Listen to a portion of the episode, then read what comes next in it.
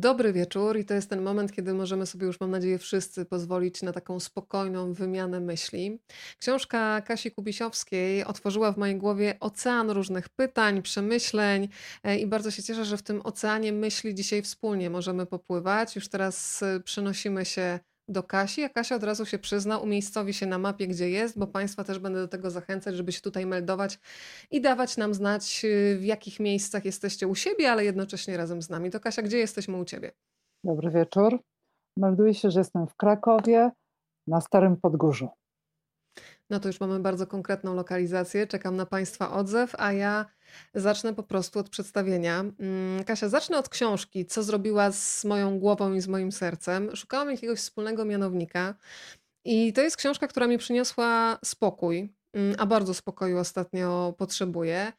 Wyczułam w niej rodzaj takiej nieśpieszności, a pod tym hasłem nieśpieszność mam e, na myśli taki rodzaj otwarcia się na drugiego człowieka, kiedy wiesz, że ten, kto rozmawiał, myślę o tobie, Nigdzie się nie śpieszył. Spędzał z tymi ludźmi, których możemy znaleźć w książce sporo czasu i to czuć. Blisko bliżej to jest tytuł książki, która dzisiaj będzie nam bardzo bliska, ale powiem też Państwu, że Kasia ma na koncie kilka innych książek. Wymienię na przykład biografię Jerzego Pilcha, Pilch w sensie ścisłym, ale przypomnę też książkę Wywiad rzekę z Wojciechem Manem. Książka, która kryje się pod tytułem Głos. Przypomnę bardzo ważną książkę Rak e, po polsku. E, jesteś też absolwentką filmoznawstwa i też masz kilka filmowych tytułów jako współtwórczyni. E, to taka krótka etykietka, no i oczywiście muszę powiedzieć, że jesteś fantastyczną dziennikarką tygodnika powszechnego.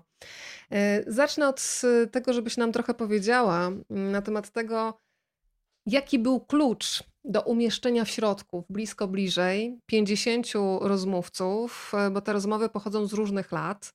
E, I wyobrażam sobie, że i tak musiałaś dokonać bardzo ostrej selekcji, mimo że książka jest naprawdę pokaźnych rozmiarów. Mhm. E, selekcji dokonała Dorota Gruszka, czyli redaktorka tej książki. To jest bardzo istotne mm, dla takiej pracy, ponieważ potrzebne jest oko zewnętrzne, które zobaczy i te teksty i znajdzie jakiś wspólny mianownik dla nich i ułoży z, z, tych opowieści, z tych 50 rozmów historię.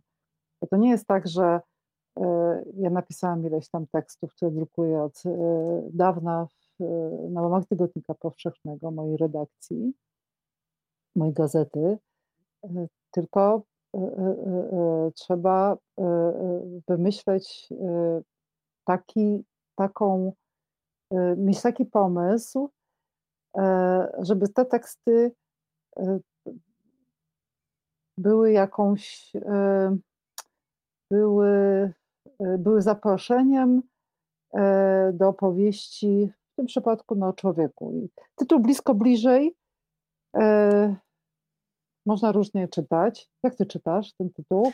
Wiesz co, ja, ja, to jest mi bardzo bliskie, ponieważ nawet przy okazji dzisiejszego spotkania online'owego powtarzam mhm. coś, w co wierzę, bo nie lubię powtarzać rzeczy od tak, że nawet jeżeli dzisiaj z Państwem, którzy są po drugiej stronie, jesteśmy oddaleni o setki kilometrów, bo są Państwo też już widzę z zagranicy, na przykład z RPA, pan Eryk nas pozdrawia, to emocjonalnie można stworzyć bliskość. Ja mam wrażenie, że w ogóle rozmowa jest czymś takim, że po prostu krok po kroku się do człowieka zbliżasz, ale Twoja mhm. interpretacja jest ważniejsza. Więc e, Również jest bliska Twojej, ale też blisko bliżej człowieka, blisko bliżej jego historii, e, blisko podstawowych wartości, które towarzyszą e, w naszym życiu, blisko emocji, blisko przeszłości, blisko przyszłości, blisko teraźniejszości. Więc myślę, że w ogóle dziennikarz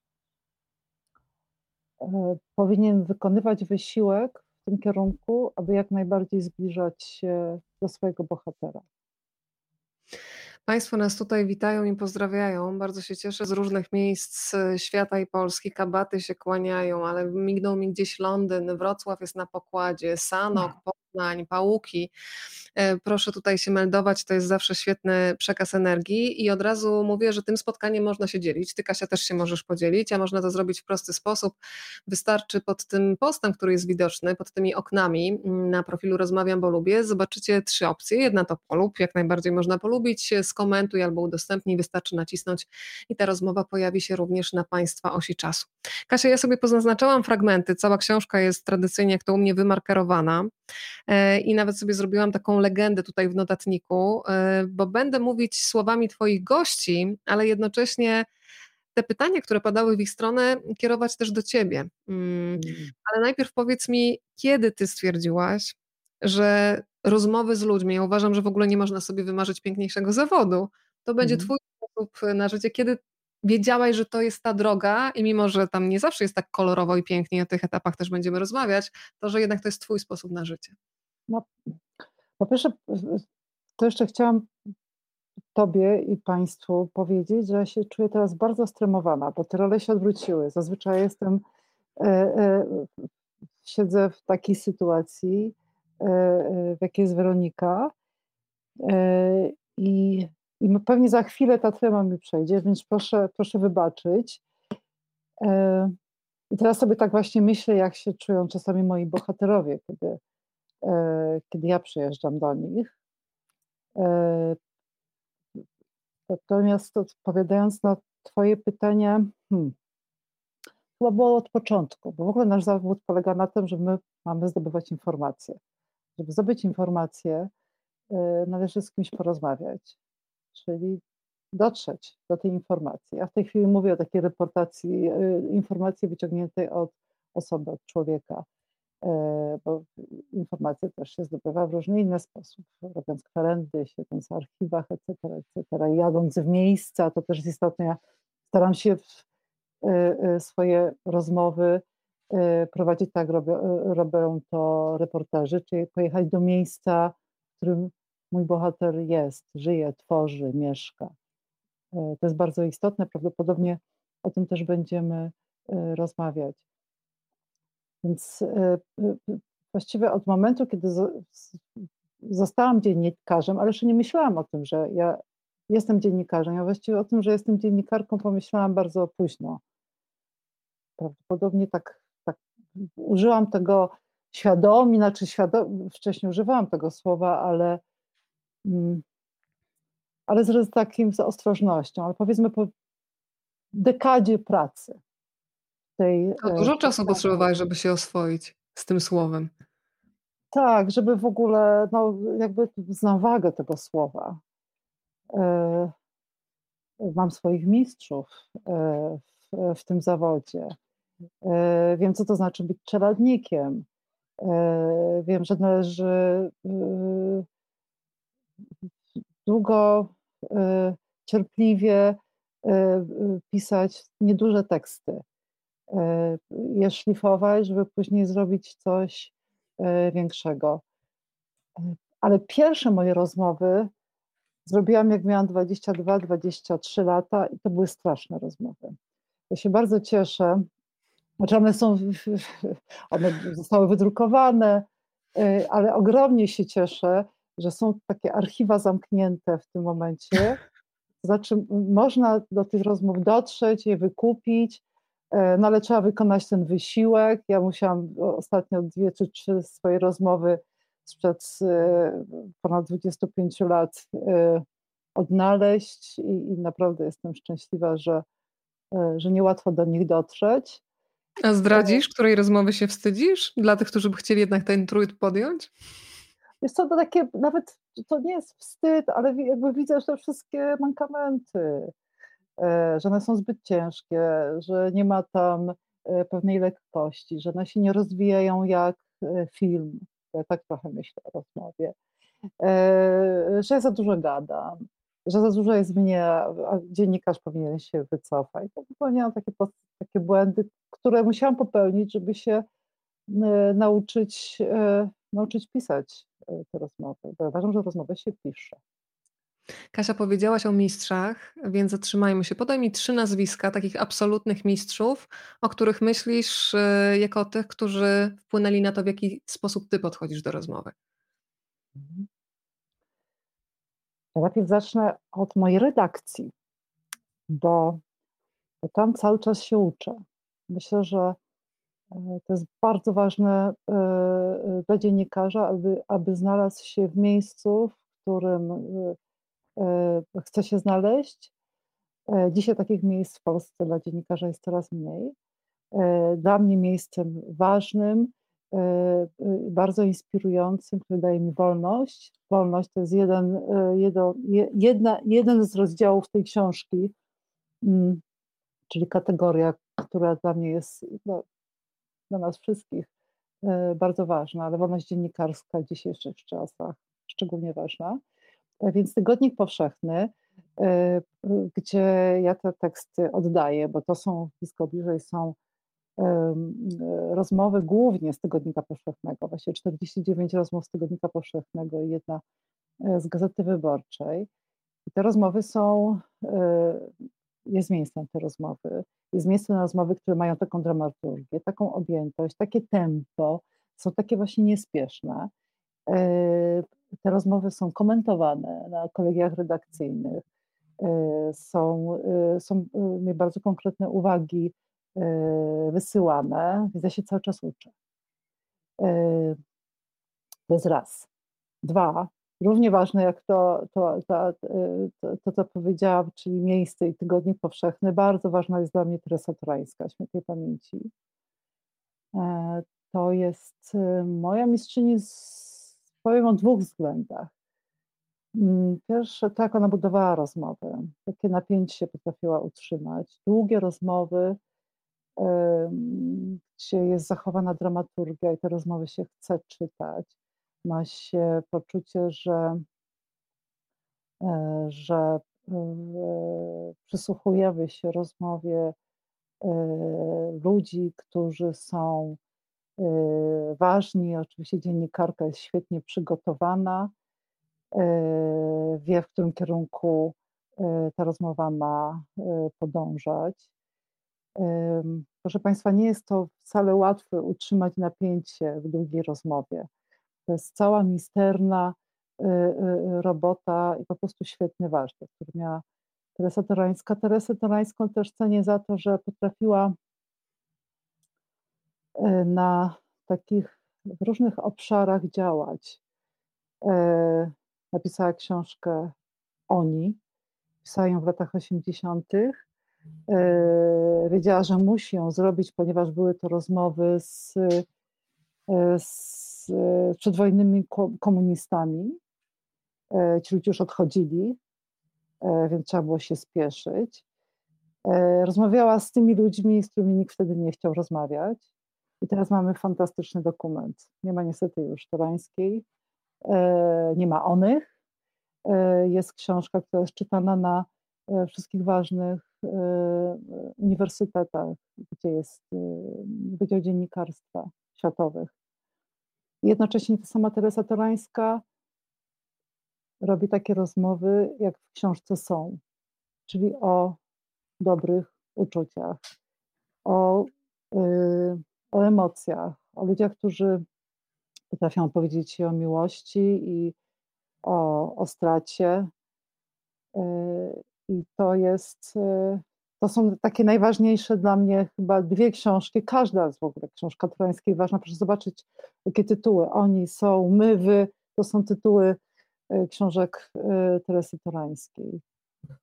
Mm. Bardzo się cieszę, że je mam u siebie w bibliotece i na pewno po spotkaniu z Tobą wrócę, bo dawno nie czytałam, a to są takie teksty, do których warto wracać. Bardzo warto. Też mam, jak powiedziałaś o podkreślonej książce mojej, to ja Teresy Torańskiej książki, Teresy Torańskiej książki mam też podkreślone wszystkie. E, no i Barbara Łopińska, też, e, też świętej pamięci.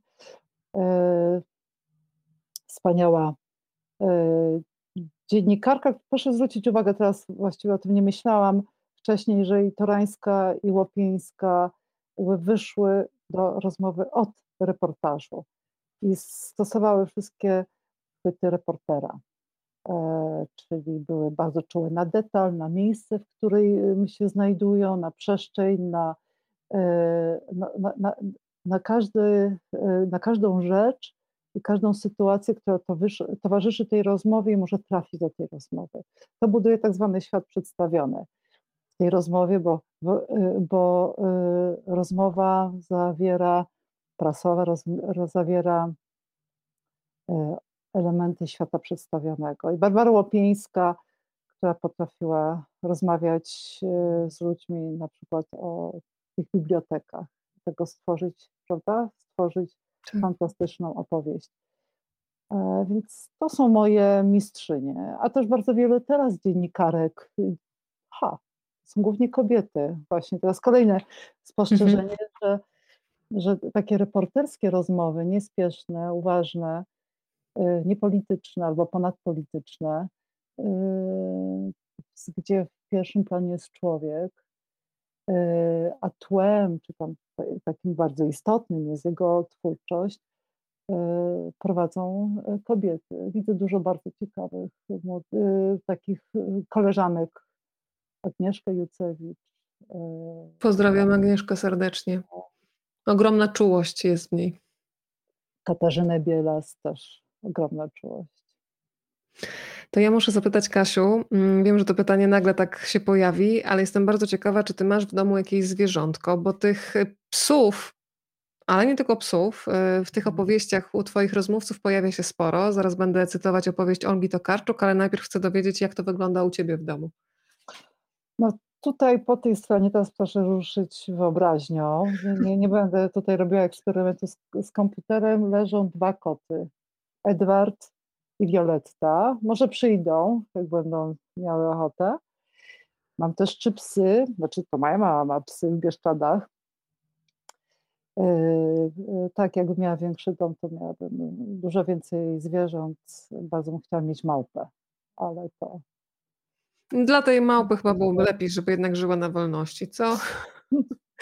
Słuchaj, zaglądam do rozmowy z Olgą Tokarczuk. Ona się znajduje w tym dziale Natura. Mm, I Olga Tokarczuk mówi o tym, że jej psy pilnują porządku dnia, spaceru, każdej czynności. Kiedy na to patrzę, ogarnia mnie spokój.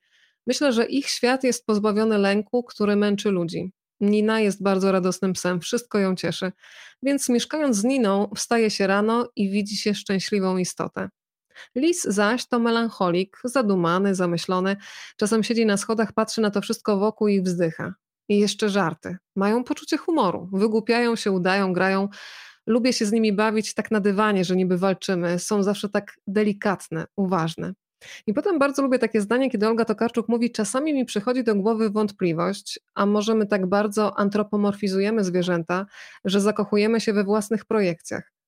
Ale czy to nie jest tak jak z drugim człowiekiem, Nigdy nie można poznać do końca ukochanej osoby. Powiedz trochę, Kasia, o klimacie tego spotkania z Olgą Tokarczuk. To jest rozmowa sprzed lat. Mhm. Mm, spotykacie się i jaką kobietę masz przed oczami? Bardzo ostrożną, ważącą każde słowo, zdystansowaną. E, znam Olgę chyba jeden z pierwszych e, jedną z pierwszych rozmów e, prasowych robiłam z Olgą jeszcze w latach 90. na łamach Rzeczpospolitej. E, pamiętam, że wydała wtedy Dom Dzienny, Dom Nocny własnym sumptem, bardzo pięknej okładce. Jeżeli Państwo macie e, tę książkę w domu, to zobaczcie, jakie wspaniałe były. Kasia, a możesz dać trochę bliżej mikrofon, bliżej ust? Ja tylko takie mam techniczne tak. tutaj Teraz? żebyś była bardziej w naszych uszach. Mhm. Tak. Lepiej mhm. Okay. Tak.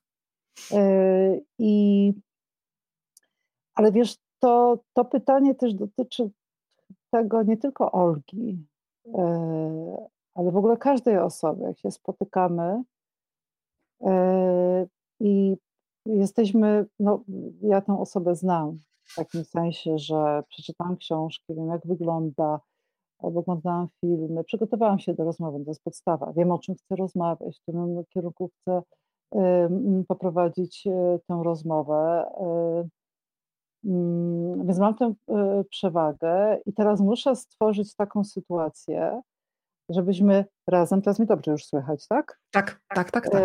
Żebyśmy, żeby nam się, żeby ta rozmowa była naturalna. żeby ona nie była zadana. To, to, nie, to nie zaczyna się tak od początku. To, to nie jest tak, że ja po prostu mam jakieś super właściwości, jestem otwarta i komunikatywna i to się tak dzieje. Ja troszeczkę muszę z tą osobą pobyć, e, oswoić ją ze sobą. E, czasami pierwsza godzina jest godziną takiego obwąchiwania się, rozmowy, która się nie nadaje jeszcze do publikacji, a później to rusza e, z kopyta. Rozmowa z Olgą ona była chyba sprzed 7 albo 8 lat, tego nie pamiętam. No z Olgą jest zawsze po prostu inspirująco, też jak te zwierzęta, które swoją drogą się pojawiają w, w jej książkach, y, psy. Słuchaj, rok 2012, prawie, prawie 10, nie? Ale ten czas pędzi. Tak. Mhm. Y, to, to jest y, to, to jest y, tak, jak Olga, z Olgą fantastycznie się rozmawia e, o e, zwierzętach, bo to jest jej wielki temat. E, I, i Olga potrafi o nich mówić, ma do tego, ma język, ma serce, to nie to jest tylko kwestia, żeby to zracjonalizować, ale, ale też, żeby wlać emocje. No i pięknie mówi. Swoją drogą, jak tutaj się ktoś odezwał z RPA, e, Pan Eryk. Mhm. Pan Eryk, pozdrawiam pana Eryka, to od razu pomyślałam, że w RPA e, mieszkał mój ukochany pisarz e, Kucija, który on dostał Nobla, nie wiem, w 2003 roku, a może troszeczkę później, na pewno w XXI wieku. I on też bardzo często pisze o zwierzętach. Motywem jest y, y, pies. W ogóle napisał książkę y, Elizabeth Costello, całkowicie poświęconą sprawie zwierząt w świecie. No to była dygresja, to taka się RPA. Niby dygresja, ja już mam listę w głowie, już wracam do Torańskiej i teraz mam kolejny tytuł, także muszę teraz czas zorganizować. No, więc y, to co? To teraz to mam mówić. Te, teraz słuchaj, chciałam, żebyśmy poznali bliżej Urszulę Zajączkowską, mm, bo to jest coś absolutnie niezwykłego, jak ta kobieta, poetka i botaniczka potrafi opowiadać o przyrodzie. Ja sobie zostawiłam fragment, który dotyczy śmierci, bo nigdy o śmierci w takim kontekście porównania tego, jak my się strasznie boimy śmierci, mm, ze światem przyrody nie myślałam. A Urszula Zajączkowska mówi coś takiego – Śmierć to jest przeogromne przeistoczenie materii w coś absolutnie element, elementarnego. W świecie lasu odbywa się cicho i daje bardzo ładny zapach ściółki. Lubimy go. W tym pachnidle gnijącej materii czujemy się nad wyraz spokojni. I nagle coś, co do tej pory mnie przerażało, staje się spokojem. Opowiedz proszę Kasiu o takim spotkaniu bezpośrednim z Urszulą Zajączkowską, bo spokój, który wynika z każdego w zasadzie jej słowa i taka uważność i czułość na przyrodę jest taka obejmująca aż. Hmm. Jak zapowiadałaś ten filmik, nasze spotkanie, to mówiłaś o zakochaniu, że zakochałaś się w Elżbiecie Moczarskiej, to ja też się zakochałam. E, jeżeli Ela jest z nami, to serdecznie pozdrawiam Elę. E, ale Ula też jest taką osobą, w której się można zakochać. W jej człowieczeństwie, w jej wrażliwości, e, w takiej prawdzie, proszę Państwa, bo to jest, bo to jest e, takie wspaniałe w tym zawodzie, że my spotykamy naprawdę bardzo różnych ludzi. Ja też dostaję po prostu dziennikarskie zadania, które mam wykonać. Nie jest tak, że ja sobie wybieram wszystkie osoby, e, tylko e, pracuję w redakcji, pewne po prostu e, teksty muszę napisać. I czasami zdarzają się osoby w tej naprawdę szerokiej gromadzie, które olśniewają. I które olśniewają wrażliwością, w ogóle z taką innością spojrzenia. Ten fragment, który przeczytałaś, to też pokazuje olśniewają takim bezpośredniością kontaktu. E, to są, to są rzeczy, które, e, które bardzo są uwodzicielskie i, i rzadko się zdarzają. I Ula jest właśnie taką osobą, wspaniała poetka, laureatka Nagrody Kościelskich, też świetnie pisze. Patyki Badyle napisała taką książkę. Wydały ją dwa lata temu. Marginesy. A takie rozmowy, które też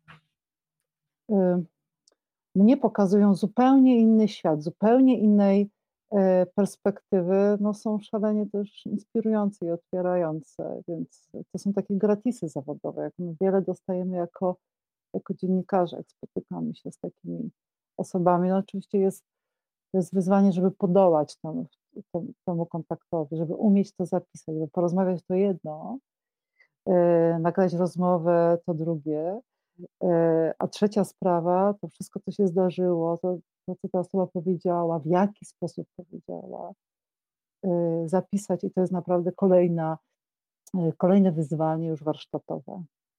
Kasia, dzisiaj o tym myślałam bardzo dużo, więc zapytam, jak to wygląda z Twojej perspektywy. Poznajemy jako dziennikarki bardzo wielu fantastycznych ludzi i ja mam takie momenty naprawdę przepełnienia szczęściem, kiedy spotyka się takich wrażliwców, a z drugiej strony mam czasami taki, mm, takie poczucie, że nie jestem w stanie wygenerować takiej ilości czasu, żeby o wszystkie te relacje zadbać, bo w pewnym momencie tych ludzi jest tak dużo wokół. Mhm. Czy nie masz czasami takiego wrażenia, że to jest z jednej strony ogromny dar, a z drugiej strony takie poczucie, że nie masz czasami już z czego dawać, bo, bo tych ludzi mhm. spotykamy znacznie więcej na swojej drodze niż ktoś, kto na przykład, nie wiem, pracuje w sklepie czy wykonuje jakiś taki zawód, gdzie tych ludzi jest mniej. Mhm. To jest jeszcze mm, bardzo ważna rzecz, którą powiedziałaś, i jednocześnie ja mam taką bardzo głęboką świadomość, że jak jadę y, przeprowadzić rozmowę, czasami jadę nie, nie tylko raz, ale dwa, trzy razy do tej samej osoby, z tego powstaje, powstaje e, jeden tekst, e, to ja jadę do pracy. Ja jadę po materiał, e, jadę, żeby z tą osobą, od tej osoby, jakkolwiek teraz to zabrzmi, ale gromadzić materiał, w czasie tej plaży słyszę, jak ja gromadzę materiał, jak y, to, to też może później powiemy, to to jest istotne, jeżeli ktoś mówi ogólnikami dużymi, to muszę cały czas dopytywać o szczegóły, o detale. Wracamy do świata przedstawionego. Świat przedstawiony nie jest zbudowany z, y,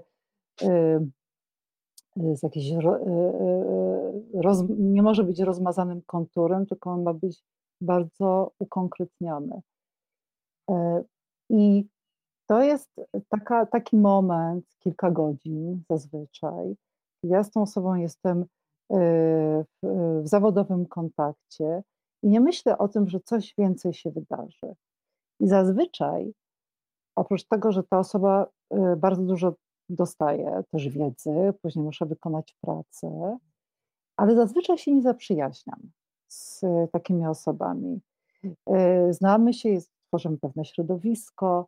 Y, też nie jadę po zaprzyjaźnienie. Jeżeli się zdarzają zaprzyjaźnienia, a zdarzają się, i one są w ogóle jakieś zaskakujące i mimochodem, to wtedy, yy, yy, no to wtedy się cieszę i staram się to pielęgnować. no to przyznaj się do jakichś takich dwóch zaprzyjaźnień. Takim największym dla mnie zaskoczeniem i odkryciem to jest y, takie zaprzyjaźnienie się z Ewą i Wojtkiem Manem e, po napisaniu książki Głos. Bardzo to, to, to, to jest taka y, relacja, którą y, pielęgnujemy i rozmawiamy e, e, często, chętnie i o sprawach ważnych, nieważnych. Czyli dajemy sobie czas i uwagę. Coś, co właściwie człowiek może, to jest najwięcej, co człowiek może dać drugiej osobie, prawda? Yy, wspomniana Ela Moczarska, Ula Zajączkowska, to są, to są takie, takie bardzo bliskie do sercu osoby. Spoglądam do swojego notesu z legendą do dzisiejszej rozmowy i mam zaznaczony fragment, który mnie bardzo poruszył. Zabierasz nas do Janusza Schubera, nieżyjącego już niestety poety, ale cieszę się, że udało Ci się zatrzymać tą chwilę i energię, bo E, to, co po nas ostatecznie zostaje, to są właśnie słowa, energia, jakiś klimat, który trwa, nawet kiedy nas już fizycznie tutaj nie ma. I on mówi bardzo ważną rzecz o takiej pogodzie ducha na wynos. To mnie skłoniło do pomyślenia o tym, jak często e, my sami tworzymy jakieś takie pozory, mm, i trzeba się zatrzymać i naprawdę zacząć ściągać warstwy, żeby zobaczyć, co za tymi pozorami uśmiechu, które mamy dla ludzi na zewnątrz się kryje. Jak jest Twoją pogodą ducha? Masz pogodę ducha na wynos, czy, czy to jest spójne? No to jest zmienne, ale staram się. Staram się e, e, pielęgnować pogodę ducha. Ale zanim Ci jeszcze odpowiem na to pytanie, to powiem o Januszu, bo on jest ważniejszy e, niż moja pogoda ducha. Bo moja pogoda ducha jest, jest o tyle łatwiejsza, była łatwiejsza, jest łatwiejsza, że jestem zdrowa, że chodzę, nie jestem na wózku inwalidzkim. Janusz Szuber, swoją drogą, było, był ktoś tutaj z Sanoka, więc też pozdrawiam Sanok, bo Janusz Szuber mieszkał e, w Sanoku. Od 20 roku życia e, chorował tak ostrą, e, postępującą postać gośćca, co doprowadziło do tego, że, że był na wózku inwalidzkim przez no, około 40 lat. Zadebiutował, jak miał 47 lat albo 8. E, wszystkie jego e, dotąd napisane tomiki wydała jego wspaniała kuzynka Garzyna Jarosz. E, I Janusz wcześniej korespondował ze Zbigniewem Herbertem, z Czesławem Miłoszem, który swoją drogą poświęcił mu taki mały ustęp w Piesku Przydrożnym. Y, do Janusza y, zjeżdżała się cała lita pisarska z całej Polski, tam do Sanoka, na tą prowincję na Podkarpacie i Paweł Hilej i ostatnio jeździł Andrzej Stasiuk i Bronisław Maj. I on przyciągał do siebie ludzi. Żeby przyciągnąć do siebie ludzi, to, to trzeba mieć coś, co to przyciągnie. I Janusz miał i talent, E, Janusz miał humor, ogromny humor. E, Janusz fantastycznie słuchał. Są ludzie, e, którzy konwersują, ale nie wchodzą w kontakt. Janusz wchodził w taki głęboki kontakt. No miał uśmiech. Miał, mieszkał w, w domu, który był właściwie jego światem. E, w którym było mnóstwo obrazów. On na tym wózku inwalidzkim codziennie sobie jeden kontemplował. E, I ta pogoda ducha e, Janusza była niebywała, bo w środku było dużo cierpienia, nawet morze cierpienia związanego z fizycznością, z kolejnymi operacjami, z tym, że E, z tym, że jest coraz bardziej zależny od innych ludzi, e, że może jest mu po prostu coraz trudniej, ale bardzo rzadko o tym mówił. Ja miał takie przekonanie, e, to mi powiedział. To właśnie Janusz Schubert to była taka, to była taka bliska relacja, też zaprzyjaźnienie, też ze względu na to, że E, e, moja rodzina pochodzi z tamtych regionów i myśmy się często widywali, a zaprzyjaźnienie czy ta bliska relacja po prostu wymaga kontaktu.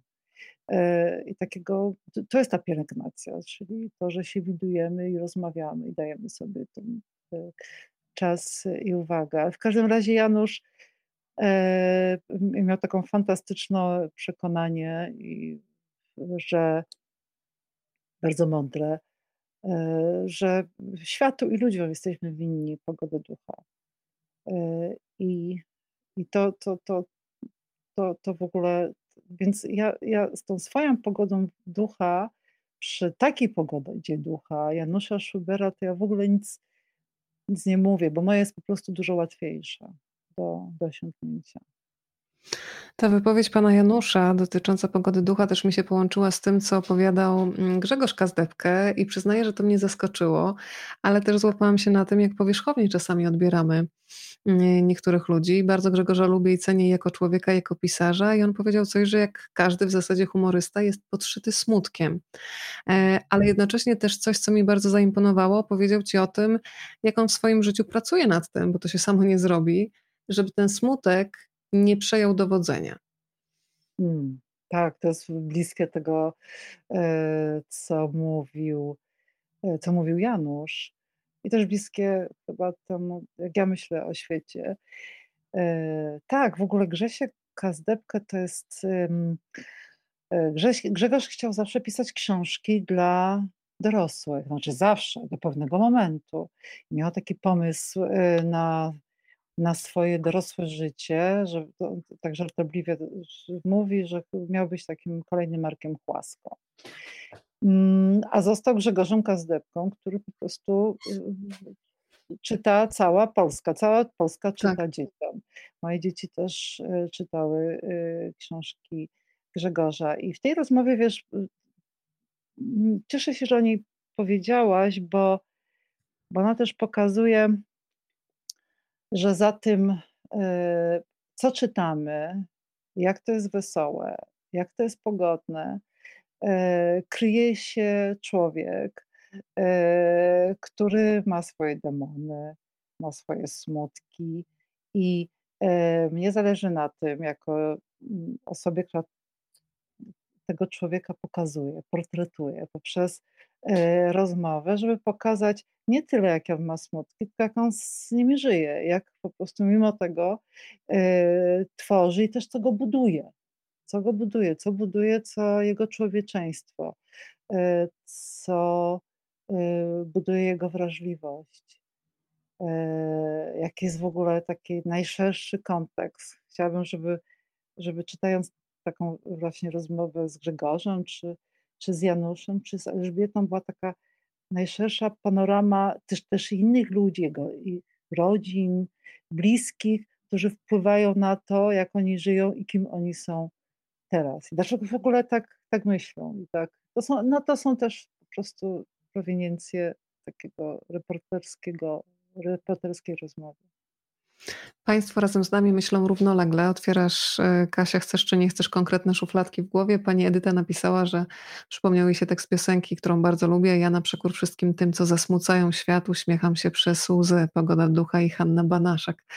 E, mm. Rzecz jasna, bardzo dziękuję za to przypomnienie.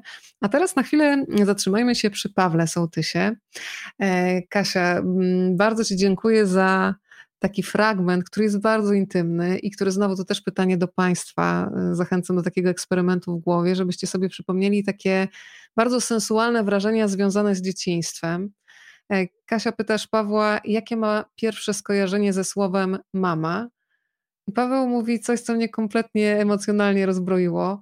Ręka w moich włosach. Gest nie głaskania, tylko delikatnego podrapywania.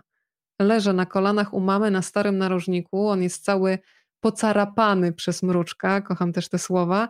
I mama mnie tak carapie jak mruczek, tylko bez pazurów. I to właściwie jest uczucie, do którego już się nigdy nie powróci w żaden sposób. Coś takiego ciepłego i miękkiego mi się w środku uruchamia, nie umiem tego nazwać i nie będę nawet szukać słów. Kasia, czy przy takich rozmowach, kiedy dostajesz coś tak bardzo osobistego, ty też sobie jednocześnie no właśnie eksperymentujesz z wyobraźnią, z takim wehikułem czasu i zastanawiasz się nad takimi sensualnymi doświadczeniami w swoim życiu, tymi pierwszymi, o których kiedy ktoś nas nie sprowokuje, to często nawet nie myślimy i nie wiemy, że to jest gdzieś w głowie i w sercu. Mhm. Mm. No jasne, że tak. Znaczy nie w czasie tej rozmowy, ale w ogóle bardzo często jestem coraz starsza, więc coraz częściej wracam do, do przeszłości przeszłość też się uruchamia poprzez e, konkrety. Jak moja córeczka miała 5 lat, teraz już ma 15, to bardzo wiele obrazów wróciło y, z tego czasu, kiedy ja miałam 5 lat. A ja, ja bardzo niewiele pamiętam z dzieciństwa. E, powiedzmy, że od 10 roku życia coś stało, już zaczynają tak się, ale takie zamglone obrazy e, pojawiać, ale wtedy jak Hanka właśnie e, była w tym wieku, to sporo takich obrazów wróciło i wróciło coś, co, czego nie mają niestety już moje dzieci, czyli absolutna woź na podwórku. Mieszkałam w Krakowie, bo jestem krakowianką, więc y, z urodzenia mieszkałam w fantastycznym miejscu przy ulicy Teraz Królewskiej, kiedyś 18 stycznia, gdzie były trzy podwórka połączone. I tam były y, dzieci, które tworzyły grupę i myśmy wszyscy od świtu do świtu, od świtu do nocy y, biegali, bawili się w chowanego i pamiętam fakturę chodników, E, bo kolanami e, o nie, e, no prawda, szurałam. Pamiętam zapach ziemi po deszczu, więc takie, takie są sławne zdarzenia, ale to, żeby tak troszkę odbić ode mnie, bo ja nie jestem ważna, tylko właśnie jak, jak, jak to jest, jak się uruchamia u kogoś pamięć. Ja Mam, bo ma, to, to jest moje zadanie, uruchomić pamięć, jeżeli chcę, żeby ta osoba opowiedziała coś z przeszłości. Tylko poprzez konkret, poprzez konkret, bardzo konkretne pytanie, a, a jakie to jest uczucie, jak mama cię dotyka po głowie? Jaką ma rękę? Miękką, ciepłą, troszkę mokrą? Pachnie mlekiem, czy, czy zupą pomidorową? Tak, próbujcie, czasami trzeba próbować, próbować, ale cały czas jakby podprowadzać rozmówcę pod, pod konkret. Czyli znów świat przedstawiony. Kasia, to kolejne pytanie mi przyszło teraz do głowy. Zastanawiam się, jak często w trakcie rozmowy sama się otwierasz, ale właśnie po to, żeby to była rozmowa i wymiana, bardzo szczera. Są przejmujące fragmenty w Twojej książce blisko, bliżej. Mm, ale chciałam Cię zapytać o to, bo sama sobie to uzmysłowiłam dopiero po latach, że bardzo długo sama sobie nie dawałam miejsca do tego, żeby zająć przestrzeń do tego stopnia, że złapałam się na tym, że wręcz połykam samogłoski, żeby szybciej powiedzieć i zniknąć. W ogóle już. Mhm. E, a potem zobaczyłam, że jeżeli oczywiście w granicach zatrzymam się ze swoją opowieścią, ale to, że powiem coś bardzo ważnego dla mnie, szczerego, takiego z bebechów, powiem nieładnie, spowoduje, że druga strona uzna, że można mi zaufać.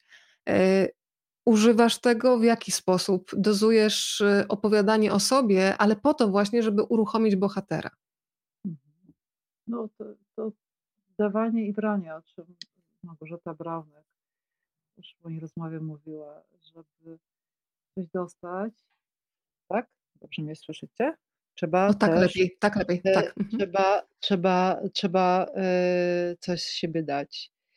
Y, I mm, Tutaj zawsze jest taka pewna y, y, granica. Ja nie mogę zdominować mojego rozmówcy. E, ja jestem dość, ja mam 1,78 wzrostu, jestem brunetką. Tak jak ja. Dość charakterystyczne, jesteśmy charakterystyczne. Ja już jestem i, i, tak nie widać, więc ja, jak jadę na rozmowę, to ja się jakoś szczególnie nie ubieram. Generalnie nie chcę zwracać na siebie uwagi. E, ale jednocześnie no jestem, jakby no, jestem swojej fizyczności, ze swoim głosem, ze swoją wrażliwością, więc ja y, natomiast chodzi o to, żeby znaleźć tutaj dobre, dobre proporcje. Kilka dni temu rozmawiałam z Mikołajem Łozińskim, który swoją drogą w tej książce e, też się nasza rozmowa pojawia tam sprzed kilku lat. Rozmawialiśmy przy zupełnie o czymś zupełnie innym. Mikołaj opowiadał mi, jak pisał książkę, że jak pisał książkę Stramer, e, to e, która jest taką książką, nie, nie fikcją oczywiście tak, ale e, bardzo mocno zdokumentowaną, opartą na, na faktach. W każdym razie Mikołaj wykonał bardzo dużo kwerent i też rozmawiał z e, świadkami, z ostatnimi ludźmi, e, e, którzy znali jego bohaterów. I on powiedział, że to zauważył, że musi coś z siebie dać, opowiedzieć coś o sobie, od siebie, czyli wejść taki moment no, partnerstwa też, prawda? Pewnej takiej solidarności ludzkiej, że my nie, ja nie przyjeżdżam tutaj przepytywać, tylko przyjeżdżam rozmawiać. E, to wtedy dostaję e, dużo więcej ta osoba się czuje jakoś oswojona i wie, z kim rozmawia. Też jest ważne. E, więc zdarza mi się, tak, zdarza mi się powiedzieć o sobie. E, y, I no, tak, to jakby każde, też każde spotkanie to jest jakby, no to świetnie wiesz, nie? Jakby inna historia. Ktoś jest bardziej otwarty, ktoś mniej otwarty, ktoś bardzo waży słowa, ktoś inny mówi dużo więcej, później trzeba to jakoś inaczej napisać i tak dalej, i tak dalej. Więc, ale, e, ale tak, pokazuje się tym ludziom. Wspomniałaś Mikołaja Łozińskiego. Uwielbiam historię, której Państwu nie zdradzę, bo przecież chodzi o to, żebyście mieli przyjemność podczas czytania. No ale Mikołaj jest jednym z niewielu ludzi, którym udało się zrobić zdjęcie, portret wybitnemu fotografowi, zresztą jednemu z moich ulubionych. Powiem tylko, że ten pan miał wtedy chyba 90, ale już nic więcej nie powiem. W jakich okolicznościach, jak do tego doszło, Państwo będą musieli sami sprawdzić. Kasia, ja we wstępie... Dodam, mogę tylko tak? dodać, że ten Pewnie. Pan, ten sam e, fotograf występuje też w, w rozmowie z Elżbietą Moczalską. To taka podwójna zagadka. Mhm. To ja teraz wrócę do wstępu i do tego, co pisze Marek Bieńczyk. E, napisał też, że jest wśród nas, także wśród osób w tej książce występujących, niemało milczków. Milczków wręcz zaciekłych, jak niżej podpisane. Jedna rzecz to sprawić, by otworzyli usta, ale druga to wyciągnąć coś, czego wcześniej nie chcieli powiedzieć, albo o czym wcześniej nie pomyśleli w swoich książkach czy w swoich działaniach. Odkryć ich samych przed nimi samymi. To powiedz teraz szczerze, z ręką na sercu, czy faktycznie Marek Bieńczyk jest takim milczkiem? A jeżeli nie, to kto w takim razie w tej kategorii milczków jest na miejscu numer jeden wśród tych, z którymi możemy się spotkać w książce blisko bliżej? Mhm. I jak się tych milczków otwiera? Marek, Marek, Marek Wieńczyk jest e, cudownym rozmówcą. E, patrzy w oczy, daje uwagę, e, wzajemna jest uwaga, ma poczucie humoru, ma fantastyczną pamięć. Myśli obrazami, wspomniałaś o zapachach, szalenie istotne są zapachy też w rozmowie, żeby je potrafić przy, przywołać. Marek, Marek nie jest y, milczkiem, Marek jest y, kontemplacyjny, Marek jest taki, y, lubi zaprzeczyć, co jest siłą też jego pisania. Ja też lubię zaprzeczenie i wahanie w rozmowie, lubię też milczenie. Uważam, że w milczenie trzeba zapisywać albo unik jeżeli ktoś nie chce odpowiedzieć na pytanie, które ja po raz kolejny e, stawiam e, w tej rozmowie, albo wracam po kilku dniach, albo jeszcze próbuję to, to pytanie inaczej sformułować, ale okazuje się, że to jest pytanie, na które po prostu nie ma odpowiedzi dla mnie w tej rozmowie. I to też jest odpowiedź, brak odpowiedzi. E, więc Marek y, jest takim rozmówcą. Ja mam pokusę, żeby powiedzieć o dwóch osobach, ale, nie ma ich w tej książce. Mogę? Tak? Możesz, pewnie. Bo to jest y, tak, że ach, jest miło, jest dobrze, jest, y, jeżeli jest dobrze, jeżeli powstanie dobra rozmowa. Z dobrej rozmowy, która się odbyła też w rzeczywistości. Ja mam umiejętność, żeby ją zapisać. To jest fantastycznie. Ale jest naprawdę smutno, kiedy jadę na rozmowę z kimś, którego uwielbiam, którego szanuję i którego czytam namiętnie. I tutaj spotykam się, wszystko znam w jednym palcu. I okazuje się, że ta osoba ze mną, a ja z nią nie łapię kontaktu. I to był przypadek y, niedawno zmarłej Jolanty Brachczajny, e, znakomitej filozofki, e, autorki między innymi Szczelin Istnienia i Błąd Umysłu. Książek dla mnie bardzo ważnych, bardzo mnie inspirujących i też poniekąd przenikających y, y, tę książkę i w ogóle moje myślenie o opisie świata i człowieka. I y, wykonałam jedną rozmowę, tak, przeprowadziłam z panią Jolantą i ona się ukazała drukiem, ale to, to, to, to nie były jakieś wysokie loty. I tak tu i czasami jest też, trzeba w tym zawodzie się z tym zmierzyć, skonfrontować, że mogę być dobrze przygotowana, mogę bardzo chcieć, a to po prostu nie wychodzi. A drugą osobą, już tutaj wspomniano i tutaj tak, pan Eryk z RPA, wracam do QCI, e, który już Którego pan Eryk zna i lubi, czyta, napisał tutaj, także nie jesteś odosobniona. To, e, to ja bardzo, no, bardzo cenię QCI i czytam go namiętnie. E, kiedy był w Polsce, bardzo starałam się o to, żeby przeprowadzić z nim, rozmowę. To się nie udało, na szczęście, bo ta rozmowa by nie wyszła. Później jak go odsłuchiwałam, słuchałam, co on mówił, jak, jak mówi, to to e, byłaby porażka. Więc akurat teraz mówię o porażce, która e, nie doszła do skutku i na całe, na całe szczęście. A z innymi osobami, jak otwieram, nie, nie umiem na to odpowiedzieć. Nie ma na to reguły. To jest po prostu to, co się dzieje między ludźmi. E, nie rozmawiamy o tym, że ja muszę być przygotowana, muszę mieć, wiedzieć, o czym chcę rozmawiać, e, mieć pomysł na rozmowę. To są rzeczy oczywiste, prawda? Ale jeszcze jest cała taka sfera, która jest poza tym, czyli jest, e, jest jakaś energia, jest chemia, E, jest dobry czas tego człowieka albo gorszy, tak samo mój. E, to musi tutaj e, zagrać. Ale ponieważ jestem w pracy, staję na głowie, żeby wykonać swoją pracę jak najlepiej. Ale nie jestem cudotwórcą. To na pewno. Ja będę dzisiaj Państwa prowadzić przez poszczególne rozmowy. Mira Marcinów teraz e, mhm. zawita do naszej codzienności. Bardzo lubię ten fragment, kiedy pani Mira mówi: Wymazywałam w matce kobietę. Utożsamiałam ją całkowicie z macierzyństwem i uważałam, że do tej roli powinna się była bardziej przyłożyć.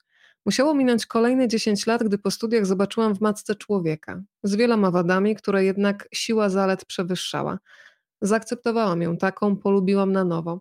Kontakt dorosłej córki i matki stał się możliwy, a potem przyszedł etap, kiedy sama zostałam matką i spojrzałam na własną matkę jeszcze inaczej. Dlaczego ona nigdy mi nie powiedziała, że to jest tak ciężkie? Kiedy byłam po pierwszym roku macierzyństwa i zupełnego braku snu, powiedziałam mamie: Jestem ci wdzięczna, że przetrwałaś. Nawet jeśli mówisz, że tyle się mną nie zajmowałaś, co ja swoją córką, to jednak musiałaś być w ciąży, musiałaś urodzić i na początku pewnie być skupioną wyłącznie na mnie, co jest niezwykle trudne. E, I ta rozmowa między innymi też mi pokazała, jak my bardzo rzadko wychodzimy z roli, takiej roli dziecko mama czy dziecko rodzic mhm. i patrzymy na tych swoich rodziców właśnie jak na, nie wiem, młodą dziewczynę, młodego chłopaka, tylko cały czas jest ta jakaś taka hierarchiczność związana z tymi więzami rodzinnymi, ale wybrałam też ten fragment dotyczący macierzyństwa nie przez przypadek, bo Kasia, e, powiedzmy, że rozmawiałyśmy, zamieniłyśmy kilka słów przed dzisiejszym spotkaniem wczoraj. E, I chciałabym, żeby ten wątek pisania, bycia kobietą, bycia matką też wybrzmiał, bo to wpływa na to, w jaki sposób się pracuje i w jaki sposób się pisze. Powiedziałaś mi wprost, że blisko bliżej ta książka by nie powstała, gdybyś nie była mamą. Dlaczego? Mm. No bo to jest Mm. Mnie w ogóle interesuje człowiek w takiej swojej totalności, w całym doświadczeniu. Uważam, że wszystko wpływa na to, kim jesteśmy i, i ci ludzie, y, którzy nas wychowywali, może to być mama, może tata, może babcia, może ktoś jeszcze inny, może mamy dziecka, może ciotki, i tych ludzi, którzy spotkaliśmy po drodze, i sytuacje, w których się znaleźliśmy, wcale nie ekstremalne. Mogą być to bardzo prozaiczne sytuacje. To mnie wszystko bardzo interesuje w człowieku, w człowieku twórcy, no bo zazwyczaj takich, takie osoby zapraszam do moich rozmów. E, a mnie bardzo też kształtuje właśnie wszystko, co moich rozmówców E, ja nie jestem twórcą, jestem dziennikarką, jestem taką akuszerką, która, y, która zapisuje pewne y, spotkania, które chcę wierzyć, że, że potrafi je zapisać. E, I, e, i bardzo, bardzo mm, jestem w ogóle szczęściarą. To, to, to muszę powiedzieć. E, mam bardzo fajnych rodziców.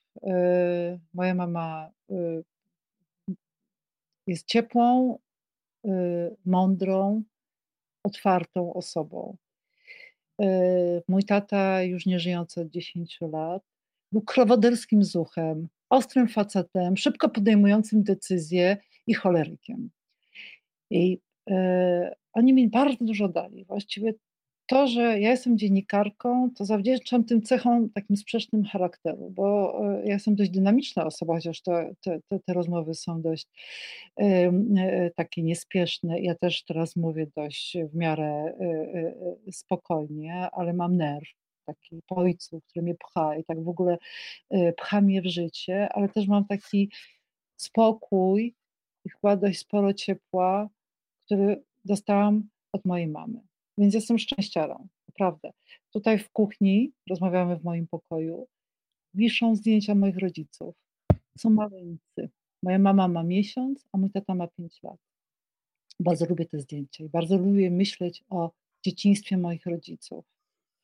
E, czasami jest mi smutno, czasami czuję się e, wzruszona, czasami uradowana. Jak bardziej uważnie spojrzymy na losy naszych rodziców, zaczniemy bardziej rozumieć ich, a jak jeżeli rozumiemy ich, bardziej rozumiemy siebie i to, e, kim jesteśmy. Jestem szczęściarą, e, bo mam dzieci. E, bardzo chciałam mieć zawsze dzieci. Gdybym nie mogła mieć dzieci, byłabym bardzo bym była nieszczęśliwa i bym walczyła o to, żeby mieć dzieci. Pewnie poddałabym się in vitro, a jakby to się nie udało, to bym, to bym podjęła próbę adopcji. Ale mam dzieci i te dzieci mnie bardzo mm, inspirują. E, może później jeszcze wrócę do pewnej książeczki, którą y, składa się z rozmów z moją córką. E, to opowiem, e, które mnie bardzo krytykują, bo są nastolatkami, które mnie kontestują, e, które myślę, że mnie też kochają. To jest wielkie mm, źródło radości, ale też które nauczyły mnie szybko pracować. Zawsze po prostu mam, byłam w niedoczasie jako matka, młoda matka, później samotna matka.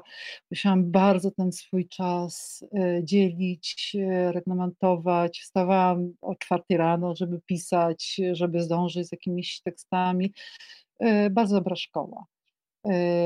Dużo mnie nauczyła. No ale też przede wszystkim to, o czym mówiłam wcześniej, że to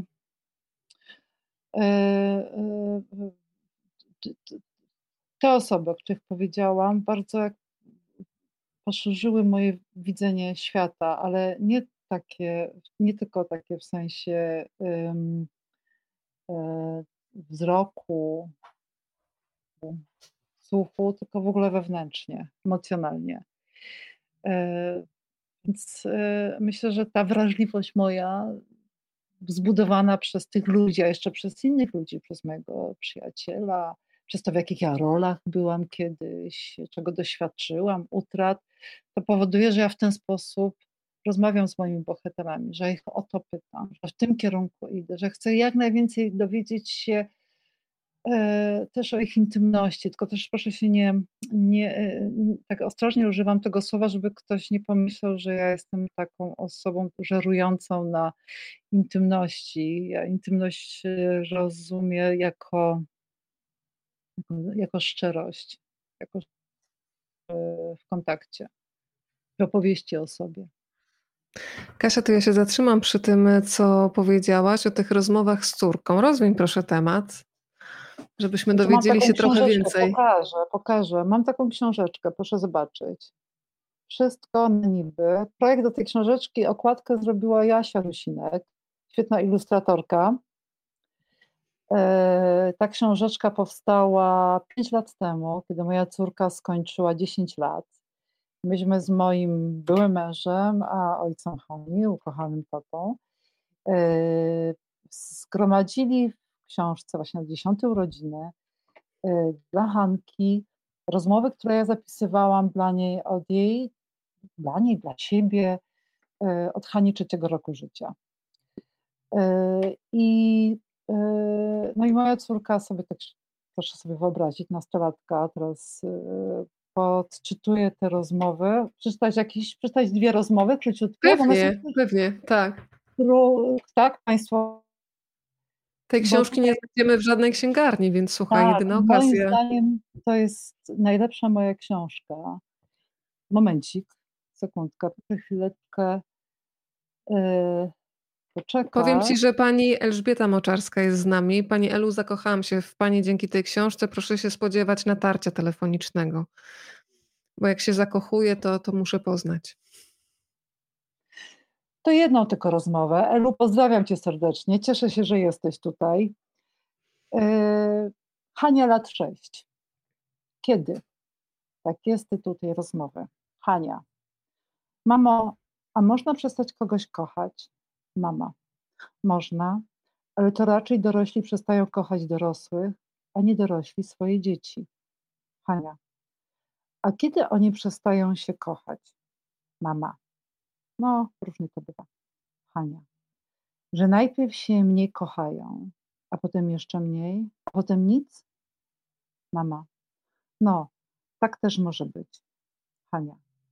A jak oni się przestają kochać, to oni się kiedyś kochali tak naprawdę, czy tylko się bawili? Jeszcze jedną? Poproszę.